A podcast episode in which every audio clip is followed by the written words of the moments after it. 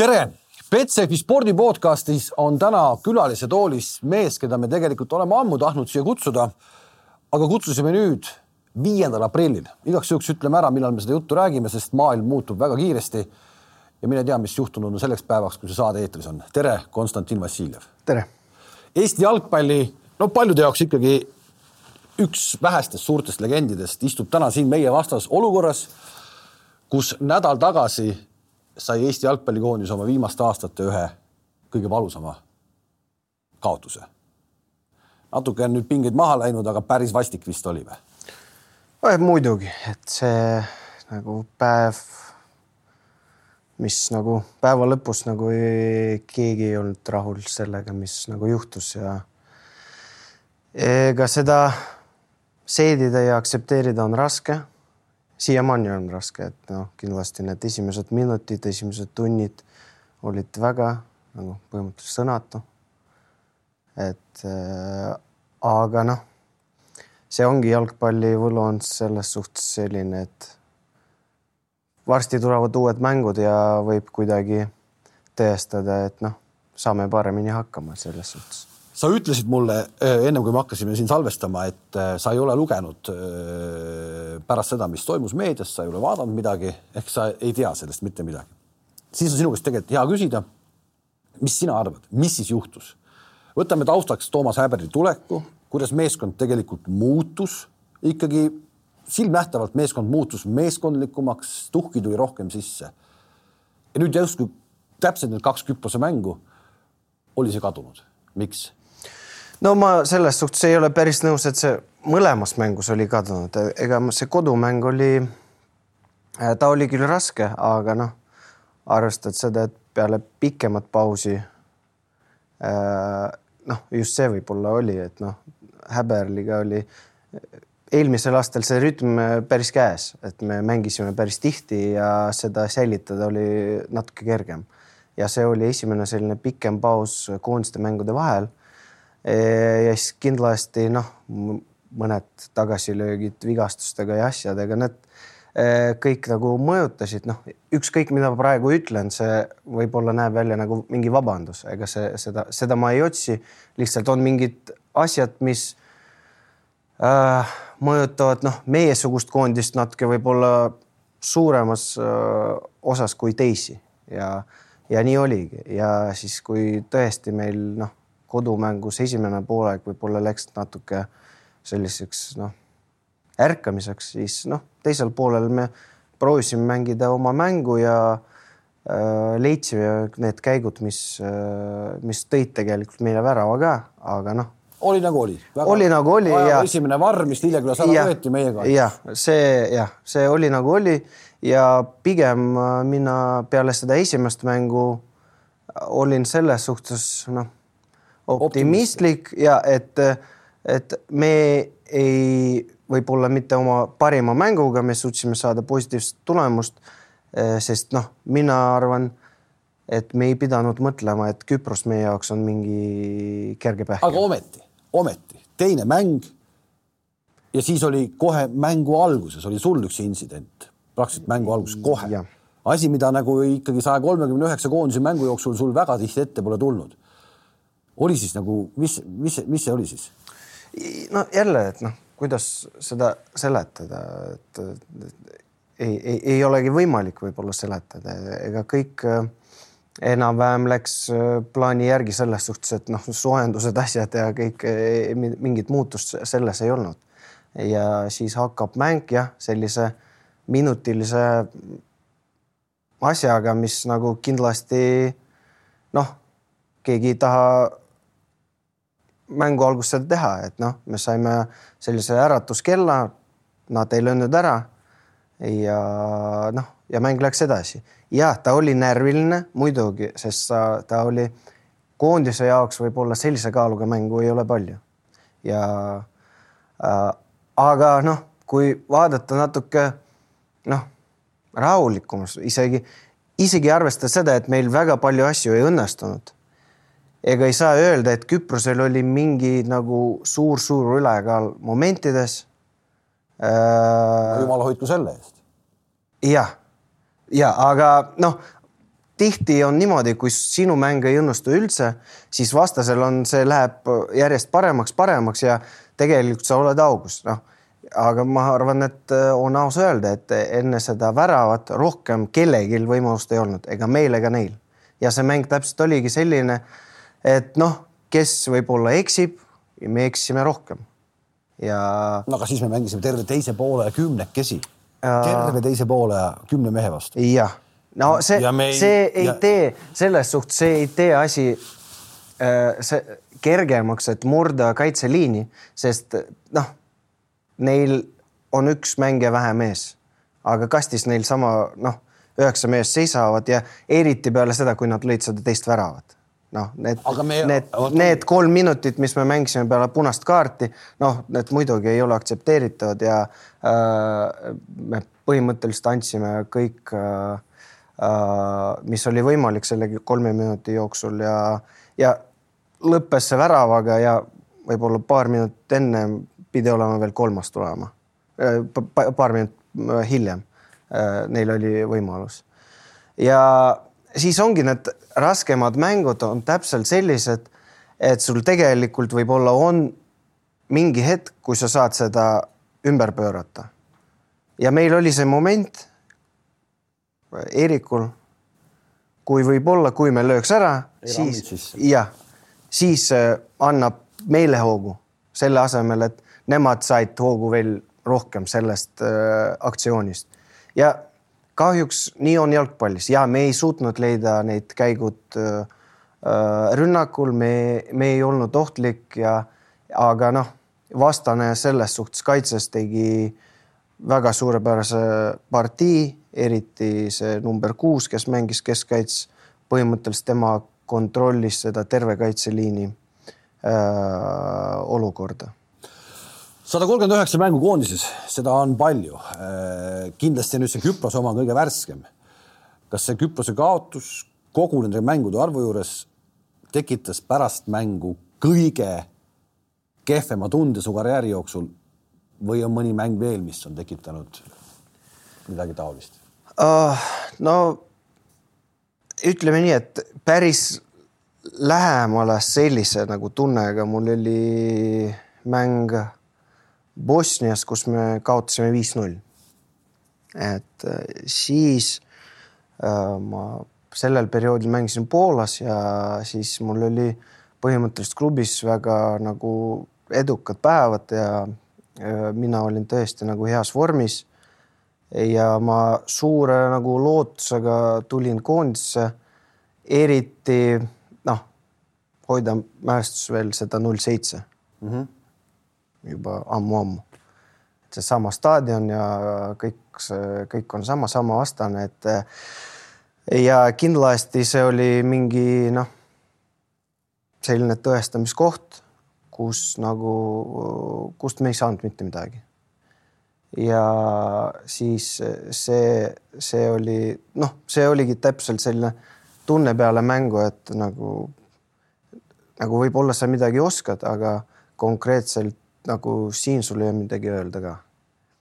ja, ja siis noh, täpselt äh, sa istud peale mängu mingite mõtetega, äh, seletada seda on raske ja noh, niikuinii päevad. seesama jutt, mida vahest ikka öeldakse, et et Eesti jalgpallur on ka nagu profijalgpallur, ka jalgpallur näeb vaeva, aga kuidagi nagu ei tule. no põhimõtteliselt jah, et äh, me jälle see jalgpall on selles suhtes noh, meeskonnamäng, et noh, meil võivad eh, olla inimesed, kes mängivad täiesti tipus, aga noh, meil on vaja veel kümme, võib-olla viisteist, kes mängivad noh, heal tasemel ka. ja see kokku panebki seda üldist tase nagu latti sinna või siia ja sellest sõltub väga palju. paljud ütlevad, sa oled kolmkümmend seitse täna on ju, sa saad augusti keskel, sa oled lõvi tähtkus, sa saad augusti keskel, sa oled kolmkümmend kaheksa juba. mõni ütleb, et nüüd on Kostjal aeg täis. mind, mind tegelikult ka väga häiris pärast viimast mängu. et, et su nimi käis liiga, võib-olla liiga, liiga tihti läbi, et sina olid selles süüdi või midagi sellist. võtame selle, kui tihti, kui, kui tõsiselt sa seda kriitikat võtad, kui konkreetselt personaalselt sinu nimi käib läbi äh, mingite mängude järel, et sina oled milleski süüdi? Et no põhimõtteliselt ma äh, viimaste aastatega nagu olen, olen sellega harjunud, et kindlasti keegi peab vastutama ja noh, kui mina olen kõige vanem mängija praegu koondises arvatavasti ja pluss kapten, et see arvatavasti see olengi mina, et äh, äh mina käin sinna intervjuud andma peale sellist mängu ja mul on vaja mingeid sõnu leida ja selles suhtes võib-olla on hea, et äh, noorematel on praegu veel olemas need inimesed, kelle taha nagu veel. aga ometi pugeda. ei ole ju venda, kes tuleks ja lööks su praegu pingi peale ära, et, et ma mängin raudselt paremini kui Kostja, et äh, andke see koht mulle. no ja see on see teine osa, et noh, ma see lõpetamise küsimus, see äh, noh, see võib otsustada põhimõtteliselt niimoodi, aga kas selleks on mingid objektiivsed põhjused, et täpselt see, et kui meil on praegu olukord Eesti koondises, kui enamus mängijaid mängivad Eesti liigas mina ju mängin ka Eesti liigas ja mina mängin Eesti ja sa oled liigas. Eesti liigas hetkel, igaks juhuks ma ütlen ära, kõige resultiivsem väravate lööja sellel kuupäeval, kui me täna räägime. no, no. vot ja see ongi see olukord, mis on ja et miks ma siis pean loobuma asjast, mida, mida ma armastan. Et äh, lihtsalt kellelegi teha kohta või midagi, et, et noh, las nad arenevad et see, mina arvan, et see lihtsalt ei ole õige point, ma arvan, et see, see inimene, kes lõppkokkuvõttes äh, lööb mind välja, see võib-olla hindab seda kohta natuke rohkem ja, ja pikemat aega ja saab siis aru, kui, kui raskesti see võib vahepeal olla. Sellepärast sa oledki minu jaoks nagu fenomenaalne spordimees, et koondis on kahtlemata koht, Eesti koondis eriti et kui sul on Eesti koondise mängud all ja hästi tuleb välja, siis sa saad sellest võimaluse tõusta klubikarjääris sammu edasi. sinul täna seda ambitsiooni enam ei ole. aga sa ikkagi oled sellises vormis, et sa oled koondises äh, kapten. no see jälle, see ja täpselt see, et mul ei ole seda jah, arvatavasti varianti, et ma kuskil nagu sõidan ära kuskile või midagi, aga lihtsalt ma noh, jälle mina, kui ma siiamaani mängin klubi jalgpalli, sest ma, siis ma arvan, et see on loomulik, et miks ma pean loobuma koondisest. et siis, kui ma, see hetk, kui ma loobun koondisest, see juba iseenesest tähendab, et minu mängimine Eesti liigas võib-olla ei, ei vääri seda mängimist juba tippklubides. Sest noh, nemad panevad endale eesmärke Euroopas ja need proovivad sealt minna Eesti koondisesse, siis minu lihtsalt noh, seda isegi ei ole motivatsioonitase, vaid lihtsalt mingi olek, minu olek Eesti jalgpallis muutub kohe selliseks nagu keskmiseks. mina seda, sellega veel ei ole nõus ja siiamaani, kui ma veel Floras mängin, Flora on Eesti üks tippklubi, kes paneb endale eesmärgid kogu aeg võita tiitleid ja proovida jälle Euroopas olla edukad, siis kui ma selles klubis veel mängin põhikoosseisus, siis ma, mul ei ole mõtet äh, öelda, et noh, ärge võtke mind koondisse. kui see hetk tuleb, ma seda aktsepteerin, kui treener ütleb, et aitab küll, ma võtan teisi mänge. see on täitsa loomulik protsess. Aga kui see siiamaani, kui seda ei juhtu ja kui ma tunnen, et minust on mingi kasu siis ma, ma, ma nagu ei kavatse. ja ilmselt sinusugusel mehel oleks natukene parem koondise karjäär lõpetada ka vähe ilusama tooniga, kui see nüüd oli. no ega tahaks küll lõpetada hästi, aga noh, me sellest nagu ei tea kunagi, mis see tulevik toob ja, ja äh, lihtsalt see lõpp niikuinii tuleb. ja ma, ma lihtsalt tahan, kui ma olen koondises, siis ma tahan olla sellele kasulik ja loodan, et need mängijad, kes minuga veel mängivad, saavad minust ka midagi enda karjääri eh, kaasa võtta. et võib-olla mingit minu vigu vältida, võib-olla midagi paremat teha ja võib-olla midagi areneda veel. kõik oli super hästi, tegelikult ikkagi super hästi, aeg läheb nii kiiresti, sellest on kümme aastat möödas juba või, kui me olime play-off'is. Kümme aastat, kujutad pilti. ja, ja me ei saanud siis finaalturniirile siis me saime ühe MM-sarja valiksarja veel mängida koos Tarmo Rüütliga ja siis vahetati treener ära. mitte ei mindud temaga uuele EM-tsüklile vastu. ma olen seda nüüd küsinud tegelikult kõikide käest, kes on mul jalgpallisaates külas käinud. ja ma küsin sinu käest ka.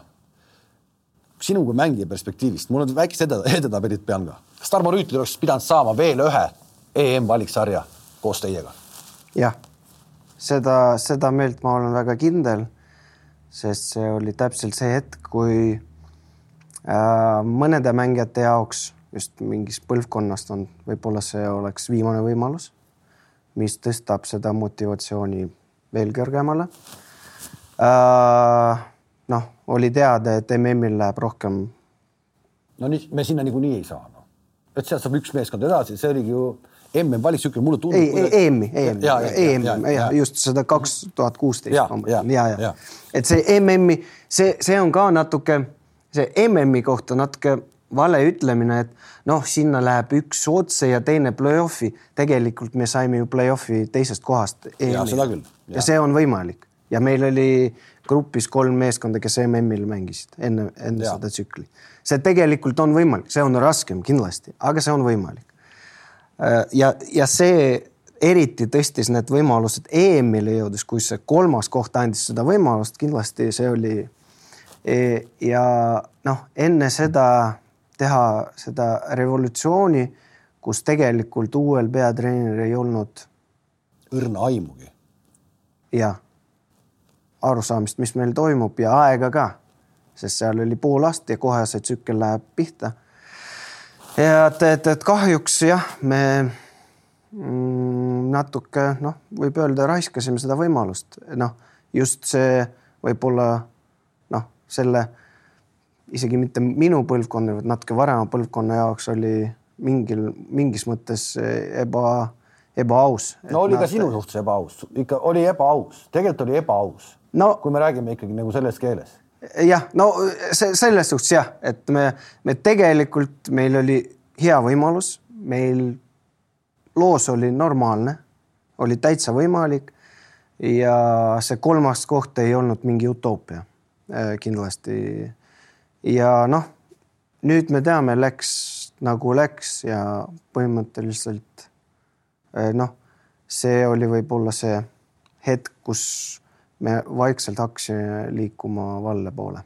kas see Magnuse aeg eh, koondise peatreeneri juures, eh, kas see on sinu jaoks, sul on olnud väga palju erinevaid treenereid, oli see kõige keerulisem äkki või? no mingis mõttes võiks öelda küll, ta oli, et noh, mina ütlen ausalt, kui tuleb uus peatreener, ma niikuinii olen väga toetav ja ma loodan, et tuleb hästi. ja noh, ega see usk peab kuskilt nagu saada söögi juurde, ütleme niimoodi. jah, ja, ja kui see ei saa ja pluss nagu tulemused ja mängud ja võib-olla rutiin muutub selliseks äh, äh, pingelisemaks, siis see noh, lõppkokkuvõttes see niikuinii mõjutab tulemuse peale ja, ja, ja, ja üldisele pildile. ja kindlasti et need noh, miks, miks see Tarmo aeg oli hea? et me päris palju mänge, sõltumata selle, kas see oli sõpruskohtumine või ametlik äh, punktide mäng, me suutsime kaotusseisust välja tulla. ja selleks oli vaja midagi vahepeal ekstra, võib-olla mängijatest, võib-olla treeneritest, vahetusest ja see vaikselt hakkas Äh, alla vajuma. meie mängud muutusid selliseks üks-null, null-üks, null-kaks. juba esimene, kohe esimene see Sloveenia, mis seal oli. jah, noh, seal me võitsime, siis Leedus kaotasime uh -huh. ja need null-üks kaotusi oli päris palju tegelikult. ja me väga vähe suutsime mänge ümber pöörata. Ja noh, meiesuguse koondise jaoks see on väga tähtis, sest noh see, et me kogu aeg hoiame null taga, on noh, päris keeruline. no mitte võimatu. no ja, aga päris keeruline, see on võimalik, aga päris keeruline ja noh, ja noh, ega kui me jälle läheme sinna tsüklisse tagasi ja isegi pärast seda, võtame seda Hollandi mängu, null ühest Hollandi vastu tulla tagasi, ikka on vaja tulla mm -hmm. jah, siis need, seda tsüklime, Serbias, Serbia vastu kaks korda tulime kaotusseist, Fääridega tulime kaotusseist äh,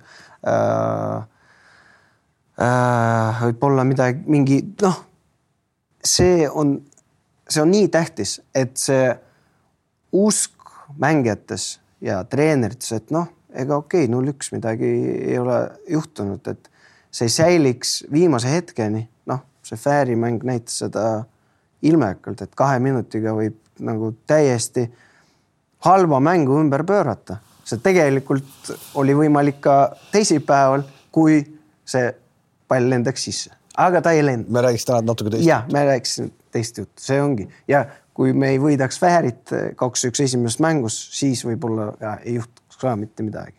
Tarmo Rüütli treenerina, koondise treenerina, kõik see rivi, mis sul olnud on, no ma arvan, et sa ütled siin ka jah vastuse, oli sinu jaoks kõige sobivam? Jah, et isegi ma ei ütle, et ta oli minu jaoks kõige sobivam, ma arvan, ta on, ta oli see, kes täpselt sai aru, mis see koondise sisu peaks olema. E, just nagu äh, elu Äh, see treeningprotsess, see ähm, ettevalmistus. et tema oli võib-olla ainuke treener, kelle ajal kõik kakskümmend kolm mängijat mängisid erinevates klubides. ja see ei ole lihtne. see on keeruline. ja see ei ole lihtne jah, see on keeruline, kui kõik koguvad, kogunevad ainult mõneks päev, mõnedeks päevadeks kokku. nüüd meil on selles suhtes luksus on meil viis sealt võib-olla noh, mingi kokkumäng võiks olla. Okei okay,, meil oli kokkumäng eelmistest aastatest, kus me mängisime, aga see, see oli tõeline nagu, nagu koondis, kes kogunes koondise mängudeks ja tema sai sellest sisust aru, et see kindlasti nagu atmosfäär, mis mõjub väga palju, et väga palju treenida seal. sul ei ole varianti, sest põhitöö on tehtud klubides kui see ei ole tehtud, siis ei ole tehtud lihtsalt. Sa füüsiliselt, sa ei saa mängijat hoida. ehk siis see pedagoogiline pool, isegi võib-olla mitte nii jalgpallialane pool, aga just see pedagoogiline pool, kuidas see punt, eri rahvustest punt, eks ole, teil niikuinii on ju, me ei saa sellest ja. üle ega ümber, see on jumala okei okay,, onju.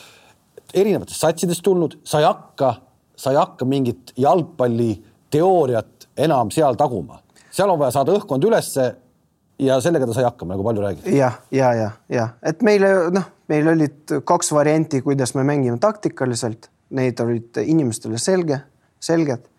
Äh, me tegelesime konkreetselt äh, vastasest lähtuvalt, mis me teeme väljakul. ta pani koosseisu. ja siis see asi niimoodi käis. lihtne on ju.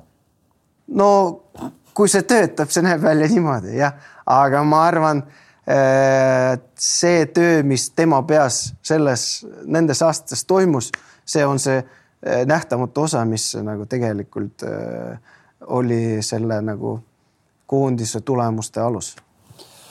koondisega jäi põhimõtteliselt, ma täna saan ikkagi õigesti öelda, et jäi see nagu kõige magusam osa saamata, see finaalturniir, mis me rääkisime just, oli nii lähedal.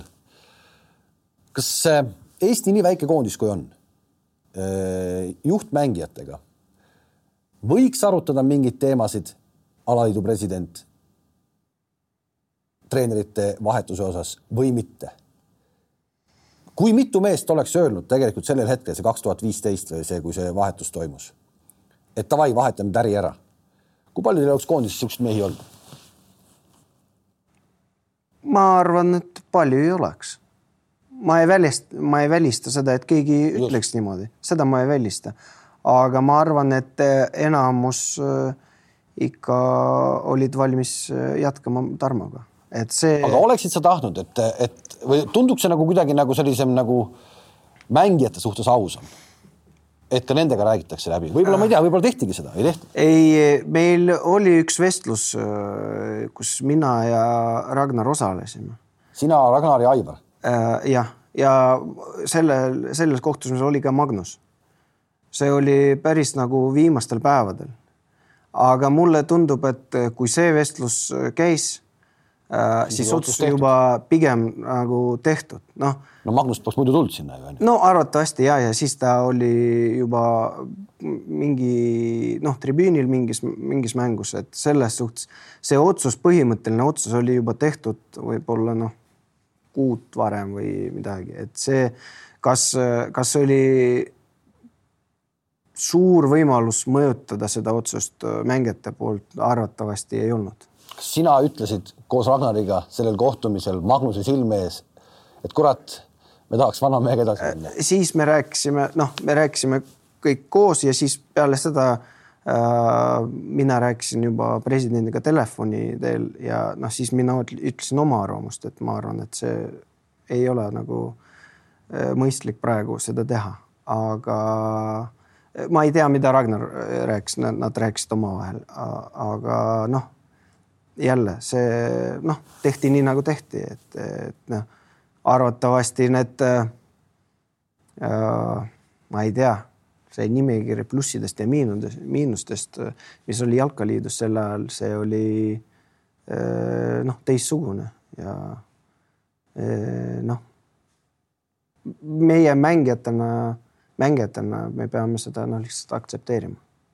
no hiljem tuli veel siis äh sildtreenerina Karel Voolaid äh, ja, ja, ja nüüd on siis täna Toomas Häberli, et äh, Häberli tulek ikkagi muutis, muutis asju paremuse poole uh,. no jälle, kui me vaatame seda viimast aastat, viimase aasta tulemused, siis noh, kindlasti nad on muutunud natuke paremaks, lõbusamaks, ütleme, see pilt muutus, et need võidud ka tulid ja aga noh, me peame äh, vaatama, mis see edasi elu toob, sest noh, praegu jälle natuke see kalender muutus, jälle kaks mängu, siis ootame juunini, kus järjest mingi neli mängu, siis jätta, jälle ootame sügist ja et äh, kindlasti see aasta, mis oli, andis väga nagu suurt lootust, et äh, see asi võib paremaks muuta.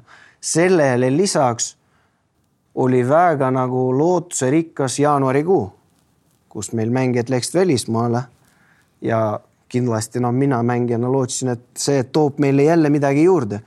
paraku siis... nad jäid pingile. ja see on see, mis võib-olla noh, kõige suurem meie probleem viimastel aastatel, et me mängijad lähevad välja, aga seal ei mängi. et noh, arvatavasti tänapäeval palju meil välismaal, kes stabiilselt mängivad, on võib-olla kolm-neli meest ja noh, seda paraku on vähe. Ometi su enda klubi karjääris oli väga pikk lõik sellest samast asjast sees, kus sa noh, sellest on filmid ja jutud ja kõik jutud, et äh, kus sa mängisid ikkagi põhimõtteliselt, no sa ei mänginudki. et äh, noh, kuidas see võimalik on ja ometi sa olid ju vormis, koondise vormis olid sa kogu aeg.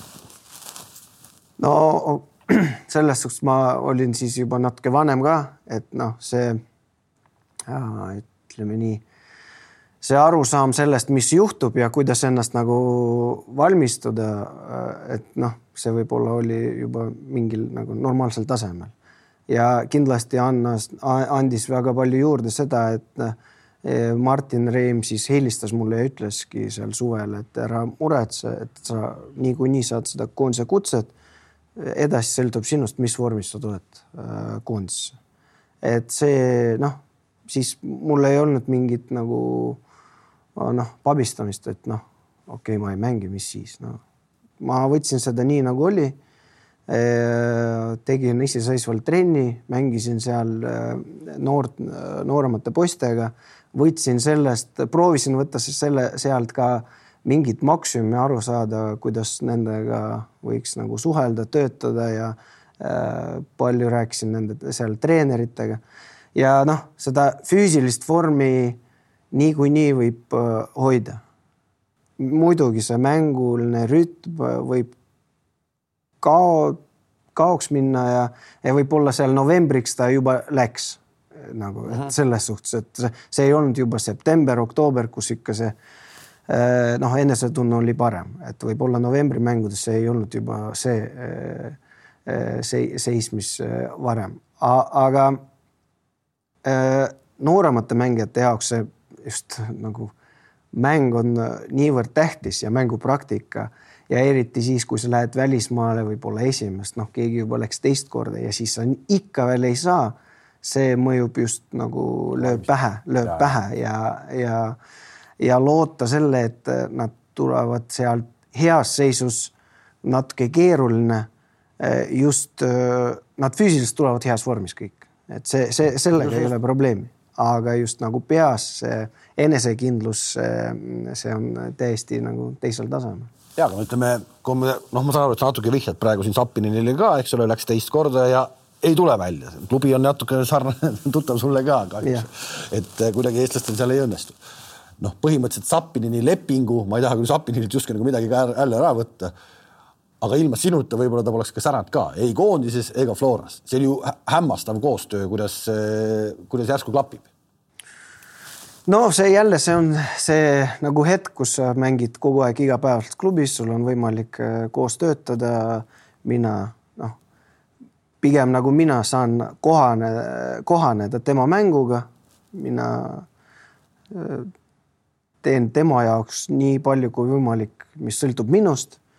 Ja noh, see paraku nii on, et äh, tihti nagu välisklubides seda, seda klappi saada kohe. noh kuskilt nagu väga raske.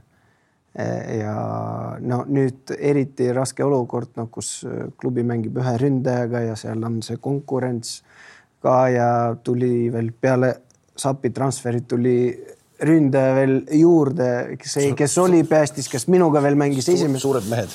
jah, et selles suhtes jah, et see ei ole lihtne ja kindlasti me võime nagu rääkida, kui võib-olla Sapi oleks Floras praegu, siis ta koondis oleks teistsugune, võib-olla, aga ma arvan, tema jaoks on tähtis just praegu seal välismaal ennast nagu tõestada. küsib ta su käest nõu no.? ja aita, sa oled siin olnud, sul ei läinud siin kõige paremini selles klubis, aga mis ma nüüd teen? ega me vahepeal suhtleme ka, et see suhtleme, aga noh, ega et mingit universaalset nagu vastust nagu nendele küsimustele ei ole ja noh, ma, no ma enam-vähem aiman, mis see olukord seal riietusruumis, kuidas noh, seal seesama treener, kellega mina olin viimasel perioodil, et mina enam-vähem saan aru, mis seal trennides toimub, et, et see üleüldse ei pruugi nagu lihtne olema ja, ja. aga äkki sa oleks pidanud talle ütlema, kuule ära mine sinna. Eh, ma, see, kui tal oleks eh, arvatavasti viis-neli varianti laua peal, siis võib-olla ma ütleks talle, aga mul tekkis see tunne, et selliseid nagu häid varianti sellel perioodil ei olnud ja äh, pikendada seda ootust seal edasi sinna jaanuarini, veebruarini, et võib-olla ta ise ka ei tahtnud ja ja nii see asi läks. ega see nagu Pest ja Poola liiga iseenesest ei ole nagu halb väljakutse. aga asi on läinud nii nagu läinud ja, ja võib-olla, kui ei tuleks uus ründaja peale kohe peale, siis kui ta või kui ta oleks seal kohe siis ma ütleks kindlasti, et ära mine. aga kui seal, ma teadsin, et seal kedagi ei ole, see oli ja klubi juttudes, et ma suhtlesin klubiga ka. Neil olid väga suured plaanid, sellepärast on see nagu pikem leping ja kõik need asjad. ja noh, ja siis äkki tuli ründaja tagasi ja äh, isegi need mõned momendid, kui Sapi veel alguses mängis ja kui tulid äh, mängudes nagu penaltid, tähendab seeriat oli penaltiseeria karikasarjas, et ja me ei näe, et Sappi lööb, siis mul tekib küsimus, kas siis äh, klubi töö oli tehtud hästi. kas nad teavad, et ta lõi aastaga mingi viisteist penaltit ja. või mis iganes, noh, et ta, teda võiks usaldada selles elemendis, sest noh, kindlasti. aga mis värk see, aga mis värk see kuidagi nagu on, et, et no võtame kasvõi siis, kui sa ütled, Sapil ei olnud valida ilmselt sellel hetkel, kui ta läks nelja-viite varianti. võtame sinu tipuaja, seesama kaks tuhat kümme, kaks tuhat viisteist, absoluutne tipp. no sa ei saa ometi öelda ju, et äh, sa realiseerisid oma võimetest klubi tasandil sada protsenti. et see, kus sa nüüd lõpuks mängisid Poola, Sloveenia, Venemaa, et see oli nüüd see koht, et, et ma poleks kõrgemale suutnud oleks, ei, ei muidugi ma niimoodi ei ütle ja et, et eh, ma, ma siis saaks öelda, et ma ei suutnud eh, või ei suudaks, kui ma seal sinna läinud ja ei, ei, ei, suudaks. aga, aga jah. aga miks me ei saa sinna? vot see jälle noh, see küsimusega neid nagu väga nagu pakkumisi ei olnud, need jutud käisid. kes, aga kas, kas see jääb agentide taha?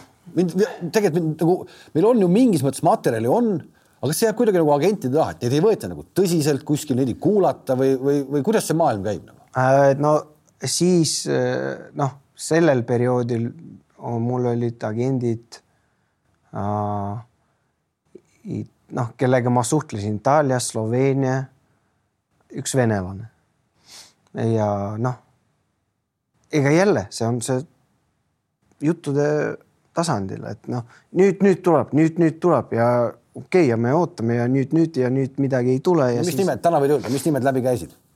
no see kõige konkreetsem näiteks, et Itaalia oli Genoa variant, mis nagu kogu aeg oli nagu jutt seda kahe kuu jooksul midagi, et no nüüd, nüüd, nüüd, nüüd, nüüd, aga noh, seda ei juhtunud ja kus see, kes pani stopp sellele protsessile, mul raske öelda, sest mina saan infot inimestest, noh. milline, milline agent sulle ütles siis, et Genoa tuleb, Genoa tuleb? see oli Sloveenia agent ja see no kui ma olin seal Cooperis, mängisin siis, ta oli väga nagu äh, noh, kõvasti seotud Itaaliaga ja Cooperist läinud sellel ajal mm, kaks-kolm mängijat Itaaliasse, nooremad äh, sloveenid ja et see tegelikult nägi, välja, et see on täiesti reaalne, mida ta räägib, sest noh, ta kogu aeg sellega oli seotud. aga noh, millegipärast see ei juhtu, seda ei juhtunud mis see põhjus, ma ei tea, et otseselt klubiga ma, ma ei suhelnud, noh. sii-, noh, näiteks oli minu karjääris see hetk, et äh, Kreeka Panathinaikosest tuli ametlik paber, alla kirjutas spordidirektori käega, et äh, nädala jooksul me teeme sulle pakkumise. Ja siis peale seda nad ei võtnud toru vastu. et selles suhtes keda usaldada ja kus need põhjused, miks sellised asjad juhtuvad, on tegelikult mängijate jaoks on aru saada väga raske. ja.... Tarmo Kink istus siin, ütles kunagi, et tema ei võtnud agente endale, onju mm, -hmm. et proovib ise hakkama saada, võib-olla hiljem natuke kahetses. sul oli agente erinevaid, ikka kahetsed? ei, ma ei ütle, et ma kahetsen, ma, et äh, kas ma saaks nagu üksi hakkama. ma, ma ei tea ma ei tea, see on noh, näiteks mina ju läksin Eestist äh, poole, poole aasta pausi pealt peale vigastust ja noh äh,, üks saksa agent äh, leidis mulle kaks varianti, see oli siis Sloveenia ja Taani klubid, noh siis ma valisin Sloveeniat. ega noh, see tähendab, et tema mingit tööd tegi. Et noh siis ta aitas mind nagu Eestist välja saada, siis eda-, järgmine protsess nagu sõltus minust, kas ma saan hakkama või ei saa. et noh, teistel juhtudel noh, ega jälle noh, Venemaale ma sain läbi Vene agendi, ikka siis noh, nad aitasid. siis noh, need Poolasse juba ma sain, Poolas liikusin seal läbi Eesti agendi, et noh et ei saa öelda, et inim-, kõik nagu ei teinud oma tööd ega noh, ma olen kindel, et praegu Ženja Novikov ja Andrei, nad tegid nii palju kui võimalik. noh, sest noh, kui ne-, kui ma neid ei saa usaldada, siis arvatavasti ma kedagi ei saa usaldada noh, Eesti. absoluutselt muidugi, jaa, aga ma kardan, ma lihtsalt kuidagi tundubki, et äkki, äkki Novikovil ja nendel ei ole nagu, kuidas ma ütlen kõik uksed ei avane nende ees. ega see on täitsa võimalik, see on täitsa võimalik ja aga ku, ku, kus, kuidas leida seda õiget nagu vaheagendi, kes suudaks seda ust lahti teha, see on ka noh. Klaava, Klaavanil läks hästi. noh, õnneks jah, et see, see on tore, aga see ei juhtu nagu eriti Eesti jalgpalluritega nagu väga tihti, et selles suhtes ega juttude järgi kõik agendid on väga tugevad. Ja siis, kui läheb tegude peale, siis paraku nii ei ole. nii ta paraku ei ole, paraku ei ole ka nii, et äh, kolmkümmend aastat jalgpalliarendust, noh, sina oled ikkagi üks nagu arenduse äh, musternäide, aga liiga palju neid ei ole ka, neid sinusuguseid teemante, võime niimoodi ikkagi otse välja öelda. kui murelikult sa vaatad täna meie noortekoondiseid, kes saavad ikkagi nagu, nagu korralikult tuppa, no ikka korralikult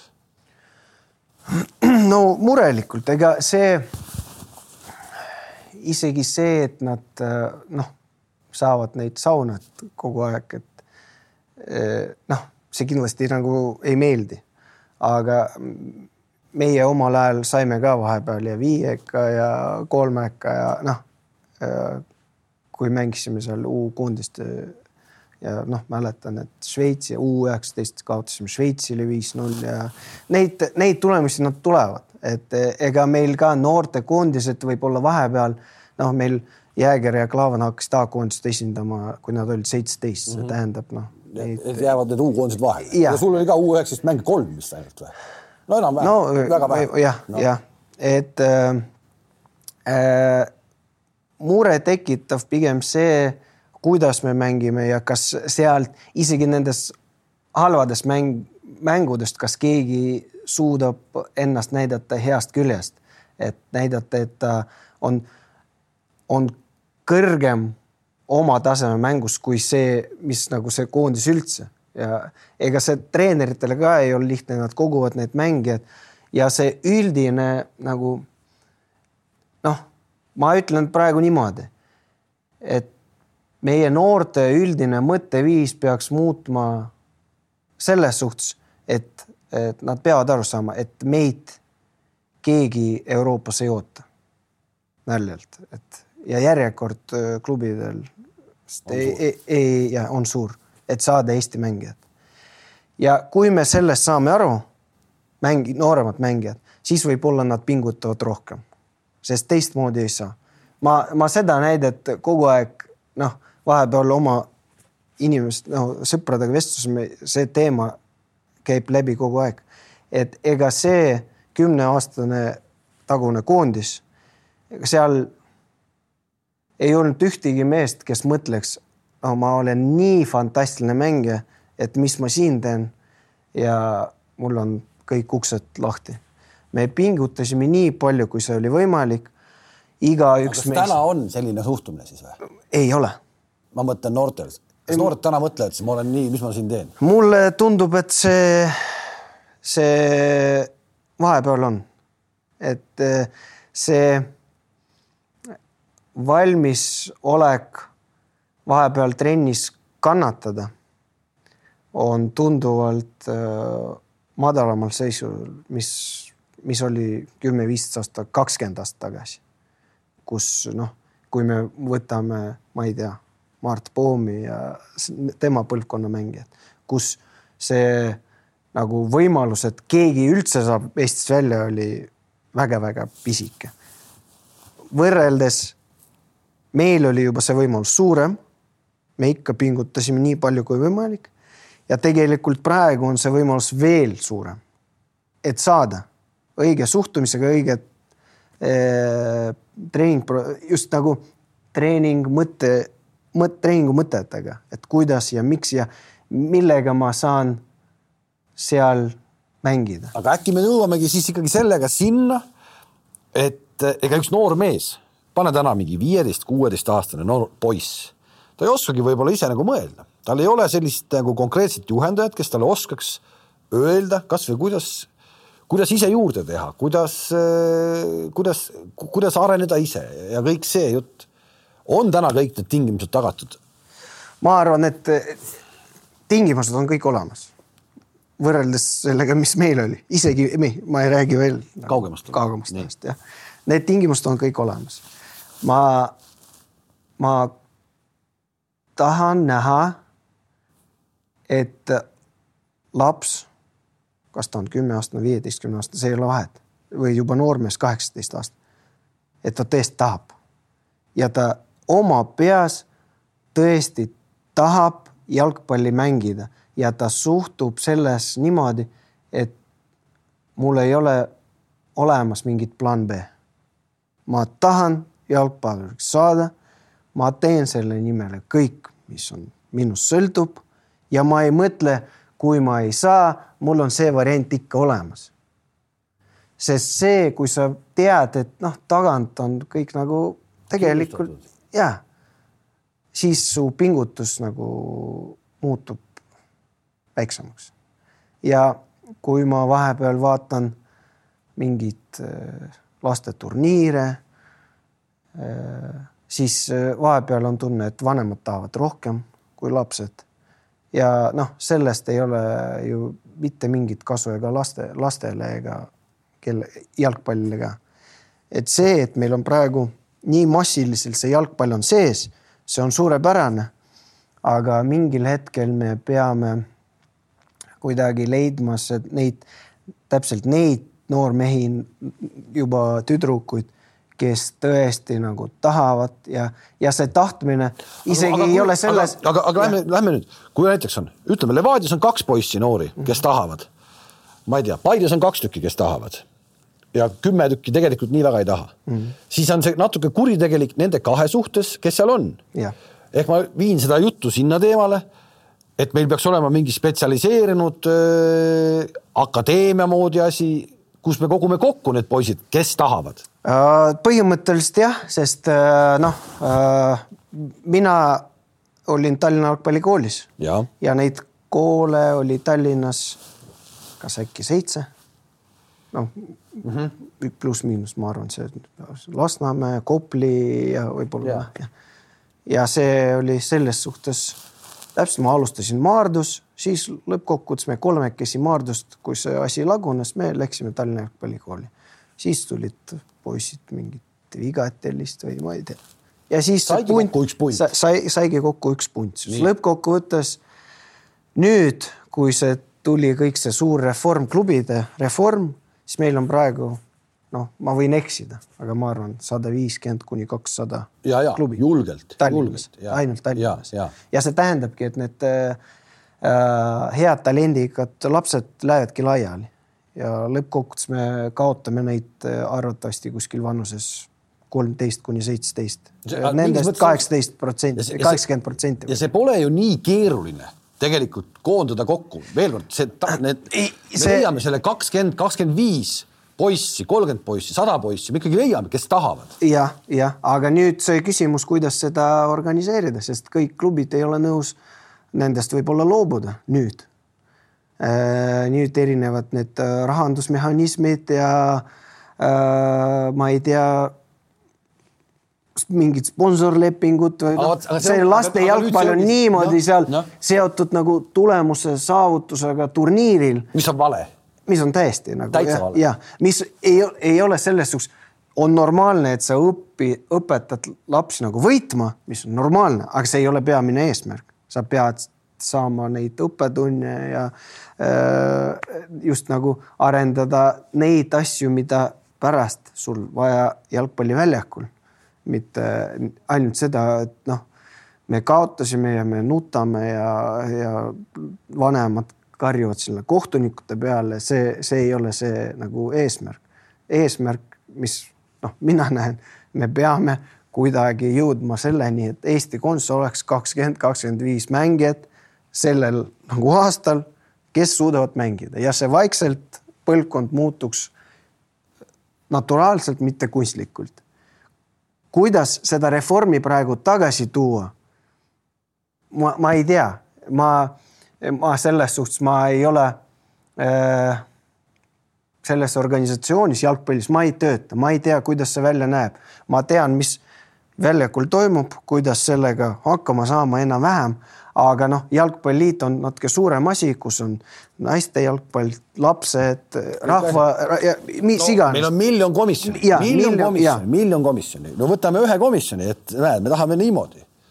Et noh, proovime nüüd, proovime nüüd nendega niimoodi, kasvõi teeme sellise, ma ei kujutagi ette, no mingi eksperiment, noh, see Arte puhul me nüüd räägime sellest Arte gümnaasiumist, see on mingi eksperiment, aga kas sealt nagu.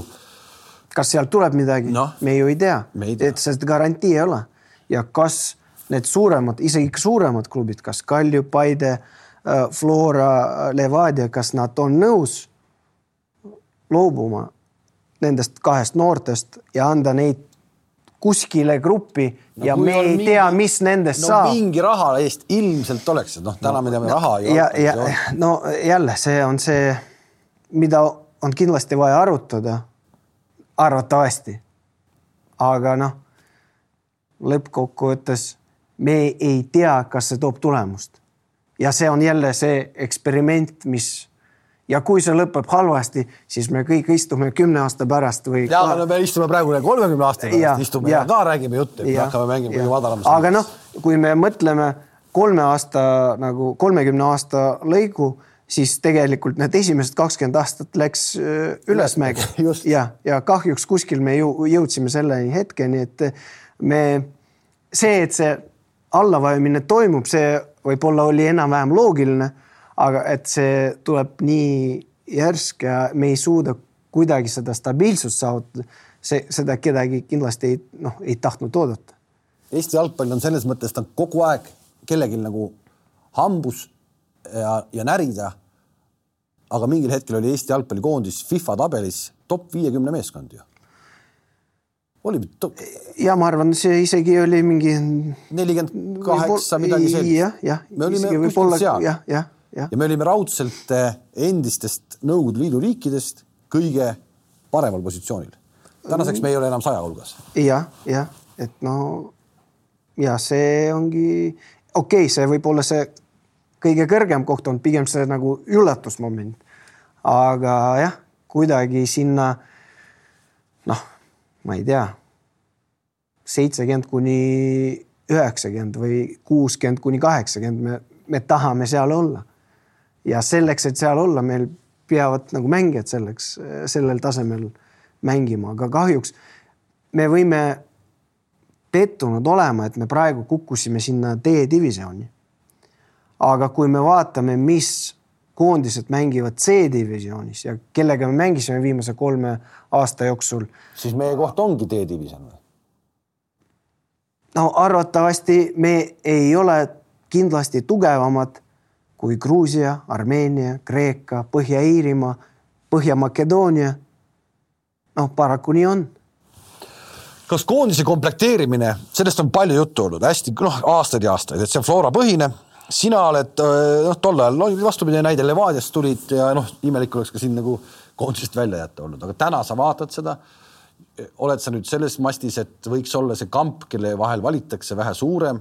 võtame kasvõi sellesama kaadri, kes käis Häberliga Äh, Hispaanias mm, -hmm. kui ta tuli, et kas sinna oleks võinud võtta rohkem mehi kaasa, et tal oleks pilt suurem olnud. elu näitas, et tal praegu tegelikult just nüüd Küprose mängude ajal äkki oleks vaja olnud vähe suuremat pilti.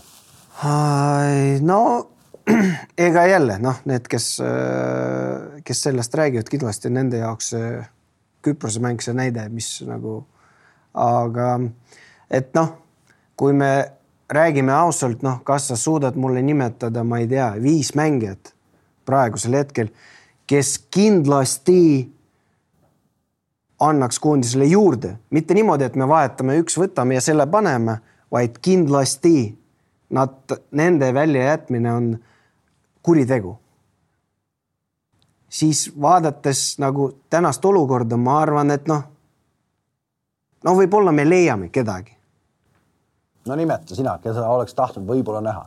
mina ei tea no,. aga nimeta sina noh, jälle ja, ja, ja noh, võib-olla me räägime nendest noortemast, noortest, kes on kuskil mängivad ja aga no näiteks Dünjev sai oma võimaluse. sai? sai. Ja siis, kas ta kasutas seda nii, et uh, kindlasti ta peaks olema? ei. ei, näiteks Baskotši sai juhuslikult oma võimaluse. kasutas? kasutas. kas ta on valmis Eesti koondist nagu esindama täiesti kõrgemal võib-olla veel mitte, aga ta aga kasutas nii peaks, palju. pigem peaks ja, saama seda. jah, jah, täpselt. ja siis ongi, kui me räägime, ma ei tea, noh, ütleme. Kas Bogdan Vassiuk, ta on suures nimekirjas. ja ta mingil ajal sai oma võimaluse. ei mänginud halvasti, aga siis mingil, mingit perioodi järjest kukkus välja, sest ta ei mänginud, sest ta tuli, ei mänginud, siis oli vigane ja, ja ta jälle ju oli nimekirjas. aga seos haigusega jäi välja. et noh, täpselt need noh, see aken on üldine, see haigustega ja asjadega inimesed jäid välja, aga nende asemel, et tuua lihtsalt no,, lihtsalt kedagi, kes treenerina, keda treenerina sa võib-olla isegi ei kavatse nagu kasutada, kas on mõistlik? et ja kuidas seda signaali võtab seesama mängija, kui ta võtaks seda, et oih, kurat, ma võtan sellest maksimum, mis saab või ta võtab seda, tuleb, oi, mind kutsuti, niikuinii mängida ei saa. ja miks ma siin pean olema? kui me mõtleme aasta tagasi, kaks aastat tagasi, võib-olla Sander Puri ei olnud juba suures nimekirjas. ta sai juhuslikult seda võimalust märtsikuus ja ta kasutas. jälle see ja ta ei ole kaheksateist, ta on kolmkümmend kaks, kolmkümmend kolm, mis ta praegu juba. ta kasutas, ta näitas, ta mängib Eesti liigas ja kui treener valib Eesti liiga mängijatest, ta valib selle põhjal, mida ta näeb, mida ta nägi oma silmadega koondislaagris. kas ta saab seda meest usaldada? me kõik tahame, et meil oleks nelikümmend mängijat, kellest valida ja et sa tead, kui keegi kukub välja, see tuleb ja asendab sama. aga meil ei ole. me, meil praegu pigem see, et me võime, nojah, see on meil vahetusmees ja, ja see on ka nagu vahetusmees ja peatreener valib, kas me paneme, võtame teda või teda. ja see on juba see maitse küsimus, keda ta võtab sul on oma satsis seal, Šapovalovi-sugune mees ka, mis, mis, mis seal juhtub? vahepeal mängib duublis, siis mäng, siis jälle mängib teil, mis seal juhtus? hirmus talent. no ega niimoodi ütlengi, et hirmus talent, aga äh, tööd on vaja ka teha, et selleks, et oma talenti realiseerida ja noh, et põhimõtteliselt kõik temast sõltub. ega treenerid on need inimesed, kes vastutavad tulemuse eest. ja kui praegusel hetkel Rauno Allikule väravad, siis miks keegi teine peaks mängima? see on see täpselt see, treen-, me võime näljaselt nagu suruma, et davai. kunstlikult. jah, kunstlikult nagu davai, mängi, mängi, aga kui tulemus hakkab kannatama ja eriti praegu, kus noh, Eesti liigas, isegi võtame Eesti liigat, tegelikult suurtel klubidel ei ole varianti kuskil midagi kaotada. ütleme niimoodi, väiksemates mängudes. mis on selle aasta eriline minu arust traagika, et tagumise otsa mängijad või tagumise otsa klubid see aasta ilmselt ei hammusta kedagi väga. no vaatame no, mis, kuidas see, see, see algus jah, näitas seda, aga noh, võib-olla midagi, ega see, see täp-, täpselt see, et see te, võib-olla tekib seda tunnet, et me proovime siin ja siis äkki meil miinus kaks punkti või midagi ja siis sa pead mõtlema, kust need punktid tagasi võtta. ja et see, see töö, mis igapäevaselt toimub trennides ja vahepeal duublis, see peaks olema alus sellele, et sa astud lähemale esindusvõistkonnale ja pingile, võib-olla lähed kümneks minutiks, aga need kümme minutit peavad ei saa midagi öelda, Kuraksin tuli sisse, lõi kaks väravat. tuli, lõi. tuli, lõi kaks väravat. kas ta on fantastiline mängija? Ma ei tea. aga ta tegi seda sammu, et vähemalt nüüd peatreener mõtleb, mul on selline mees, kes äkki võib, siis võib-olla ma kasutan teda ja ta on nendes noorte nimekirjas on praegu esimesel kohal, kes vahetusmees on. ja see täpselt niimoodi käib. mina ka omal ajal mängisin duubli eest ja, ja, ja ma duubli ees kogu aeg, kui mängisin, tegin midagi head. ja sest ma teadsin, et kui peatreener tuleb, esinduspeatreener tuleb vaatama, ta tahab näha. meil sellest eelmisel aastal meil oli vestlus Äh, mõnede nooremate mängijate, kes kogu aeg teevad sa trenni esinduses. sa viid läbi sellist vestlust? no jah, ma juhuslikult sattusin, et vaatasin äh, Flora U kakskümmend üks äh, Kaleviga mängu, kus äh, mängisid äh, kolm-neli mängijat noh, nooremat, kes kogu igapäevaselt teevad trenni meiega. ja siis Kalev paneb viis-üks Florale siis noh, ma küsisin, et noh, ma, ma vaatasin esimest poolega. ma ütlesin, et kuidas see nagu võimalik, et teie teete trenni meiega. ma tean, mis, kuidas teeb trenni duubel mm. -hmm. mis see tase on, see vahe, tasevahe on olemas, ta peab olema, see on loomulik. ja siis ma ütlesin, kui mina tulen juhuslikult vaatama, ma tahan näha seda vahet ka väljakul, et teie teete trenni meiega.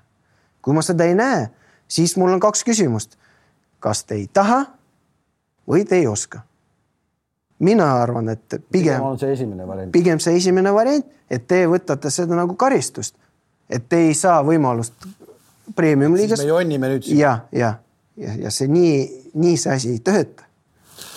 nii see asi kahtlemata äh, tööle, tööle ei hakka. Äh, meil on üks superstaar veel. no ma pean sinu käest küsima, ma arvan, et sa tead kindlasti, Oliver Jürjens, mis, mis temaga on, miks, kus tema on?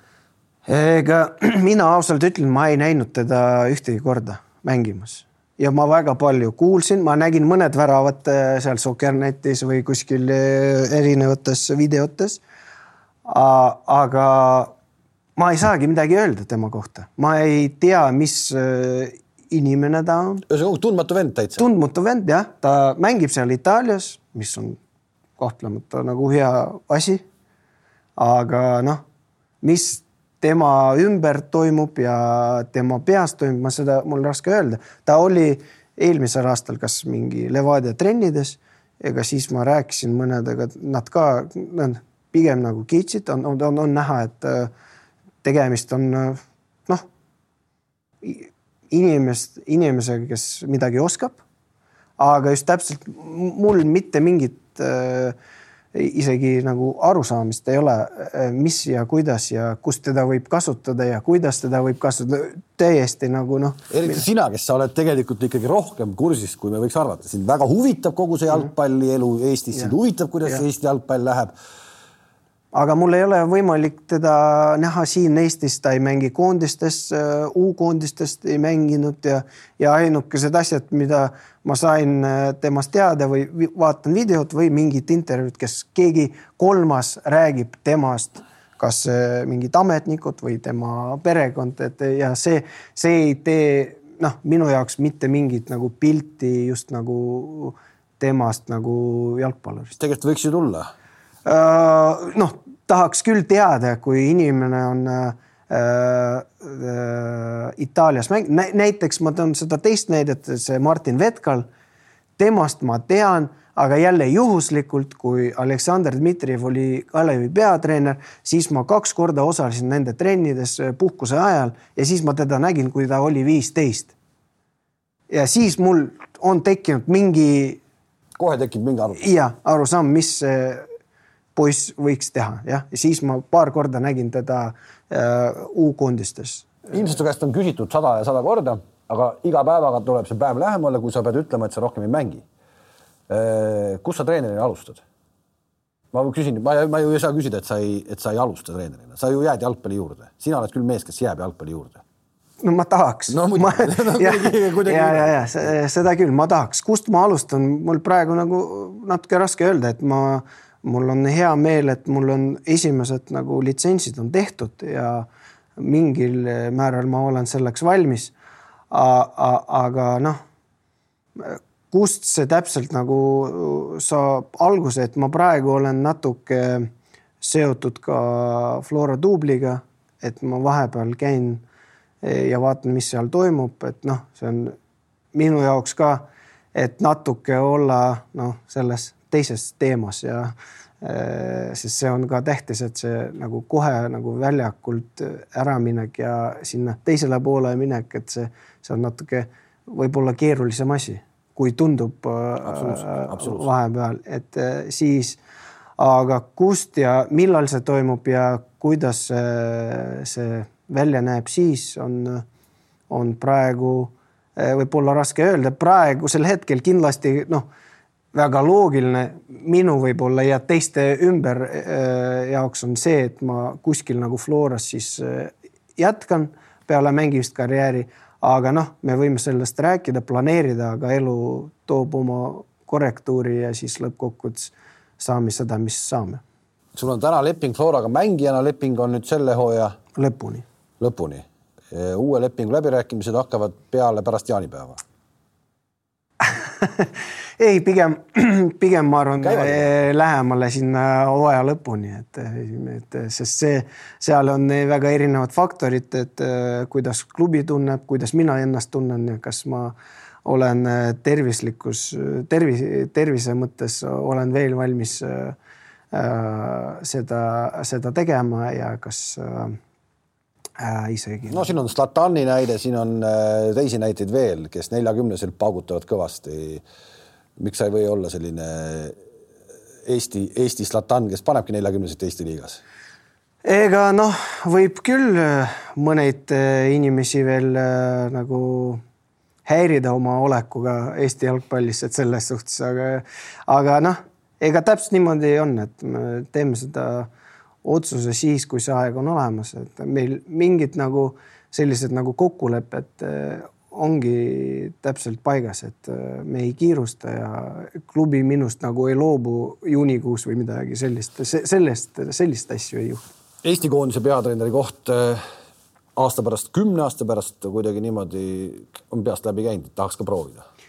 no kui ma peaks öö, treeneri tööd nagu vastu võtma siis see kindlasti üks eesmärkidest, mida tahaks nagu saavutada, milleni jõuda, et see lihtsalt saada seda niimoodi, et oih, nii palju mängisid eh, koondise eest ja nüüd mine proovi, et päris nii ka see, see ei pea juhtuma, ega ma pean endale ka tõestama, et ma väärin seda kohta siis oma juba treeneritööga kakskümmend neli veebruar äh, läks päris koledaks kogu see maailm ja, ja, ja no imelik oleks olnud mitte küsida. et mis, mis, mis, mis, mis mõtted sul sellel päeval olid, nüüd on sellest möödas juba meil rohkem kui kuu aega. ja see kõik kestab oh,. ma ausalt ütlen, et ma viimase hetkeni uskusin, et äh, äh, diplomaatia võidab ja kahjuks äh, nii ei juhtunud. ja kas, kas ma saan kindel olla, et äh, just diplomaatia kanalitel oli tehtud kõik, mis oli võimalik teha. ega ma ei tea, ma ei, ei saa kindel olla. nüüd me oleme olukorras, kus asjad tõesti nagu muutuvad iga päevaga ja, ja kindlasti noh loota selle peale, et see kuidagi lõpeb kiiresti.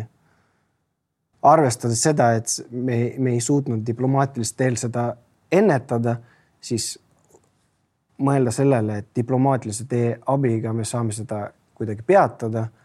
see tundub väga ebaloogiline, arvestades seda, mis nagu. on sellisele asjale üldse nagu mingi õigustus tänapäeva maailmas sa paratamatult, sul on vene sõbrad ja, ja, ja, ja, ja te, te ju räägite sellest, siin pole küsimust ka, te räägite sellest. et on sellele asjale mingisugunegi õigustus? no see on täpselt niimoodi, et noh, kui öö, ühelt poolt vaadates selle, selle õigustust ei ole, siis need, kes selle tagant seisavad, neil on igasugust õigustust. saad sa nendest aru, saad sa nendest teisest poolest aru äh,? ma, ma, mulle ei saa midagi nagu Äh, neile, ma võin neile öelda, et ma ei olnud nõus sellega ja aga lõppkokkuvõttes nad äh, toovad mingid sada näidet, et millega nemad ei olnud nõus ja, ja siis lõppkokkuvõttes me, me jõuame selleni, kas me ei suhtle juba üldse või me kuidagi proovime. lepi, leppida sellega, ega ükski inimene ei lepi sellega, et sõda on hea, et noh, muidugi see, see, mis toimub, see on halb ja seda, aga noh, teine reaalsus, et see, see, noh, sõjalised öö, operatsioonid toimuvad seal igal pool maailmas ja tänapäeval ja, ja, ja täpselt nii on, lihtsalt praegu me oleme kindlasti nagu suuremas ohus, sest me on, see on nii lähedal meie jaoks et see nagu, mis nagu toimus varem, see oli kuskil nagu mujal ja me ei mõelnud selle, sellest nii, et oi no, et ja me ei muretsenud. nüüd see tõesti on nii lähedal. üks meie suur naaber ja meie terve see Euroopa.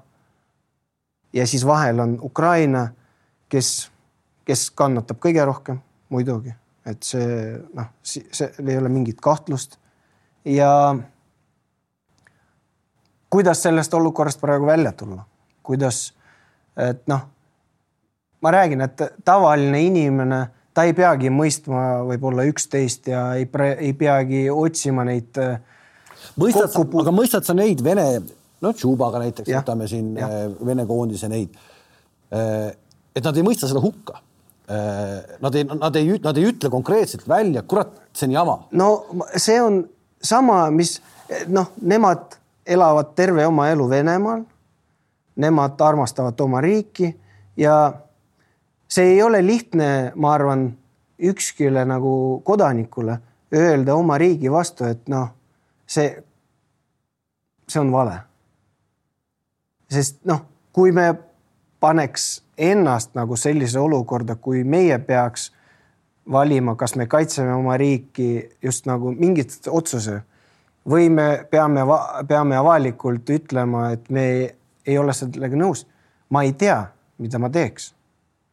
sest, sest see on väga nagu raske valik, sa pead noh, et no, võtame see Juba näide on, ta on natuke noorema, kui me võtame natuke need vanemaid inimesi, kes elasid selles riigis väga erinevat perioodi, no näiteks see maailma tuntud dirigent Gergiev mm. -hmm.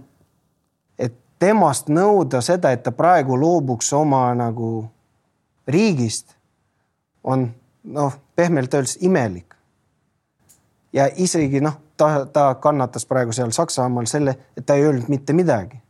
mitte isegi ta ei toetanud, ta ei öelnud vastu ja, ja kas on meil nagu õigust neilt nagu nõuda seda, et öelge avalikult, see pigem, kas noh, mõned ju räägivad sellest ja avalikult sõidavad Venemaalt ära ja, ja see on nende valik. Ja kui sa seest nagu ei ole selleks valmis, noh, meie ei suru neid. Ja ma arvan, nad leiavad enda sees palju rohkem põhjusi, miks nad seda ei tee, vaid noh selle.... aga tuleme, tuleme lähemale siia Eestisse.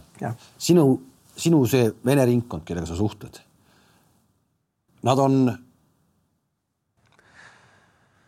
väga erinevalt, väga erinevalt ja, ja mis mina, mina noh, me praegu oleme sõja ajal ja mina proovin maksimaalselt leida erinevaid allikaid, infoallikaid, et mitte isegi aru saada, mis nagu toimub, mitte minna hüsteeriliseks nagu mingit Mm, mingitest olukordadest ja sest noh, see praegu kõik läheb nii emotsionaalseks ja isegi need inimesed, kes nagu tegelikult ei pea, sest nende töö ei ole nagu nende töö sees emotsionaalsus ei ole see äh, asi, mis peaks nagu äh, suu-, suurema osakaalu võtma. no praegu ma räägin diplomaatidest, poliitikutest. see praegu läheb nii järsku see kerib ja kerib ja kerib ja lõppkokkuvõttes ma ei tea isegi, kuidas lõppkokkuvõttes mina saan ennast tunda võib-olla kuu aja pärast, kahe kuu aja pärast või sest.... on sulle tuldud sitast ütlema, näiteks mõne venelase poolt, Kostja kurat äh,? Kas see on võimalik, kui edasi see asi nii läheb, ma arvan, et see on võimalik. et ma arvan, et see on võimalik ja kui keegi võib-olla noh, jälle, et ma, ma jälle ütlen veel kord, see asi, mis toimub, see on täitsa nagu noh, aktsepteerimata meie maailmas ja, ja sellest pidid väga paljud inimesed aru saama enne seda, kui see juhtus. ja praegu meie tavalised inimesed peame, meid nõutakse mingit positsiooni võtma või lõppkokkuvõttes me ei saagi lahendada seda. me kuidagi saame säilitada mingit nagu äh, rahu oma peas, et noh, ma loodan ja noh, ma olen kindel, et mingi hetk see asi lõpeb. ja kuidagi me peame nagu edasi elama. aga nüüd kõik kuu aja jooksul on väga paljud nagu kontaktid on lammutatud, sillad on lammat-, lammutatud ja mis on noh, kas see on äh, täpselt see, mida me tahame või täpselt see, kuidas see tehakse. noh, mulle tundub, et noh, erinevatel ajadel konfliktis ikka olid kuskil mingid inimesed, kes suutsid hoida neid mingeid kontakte. no praegu ei ole. aga praegu ei ole üldse ja see, see noh, no ehmatab. sest mingil hetkel me niikuinii peame jälle kuidagi elama edasi. ja kuidas siis me elame või me siis peame juba leppima sellega, et oma elu lõpuni me elamegi selles, sellises nagu olukorras, kui sõda käib. ja me oleme kõik närvilised, kõik pinges ja äh, et noh, et see. Tunned sa end täna Eestis äh, turvaliselt? Äh, ma, sa, mis sa mõtled ühiskonna poolt või suurema naabri poolt? üks ja üks. ja ma arvan, et ma enam-vähem tunnen ennast äh, äh, turvaliselt mõlemas äh, aspektis. aga jälle see meie turva, tavainimeste turvalisus väga sõltub sellest, mis nagu äh, riik hakkab tegema.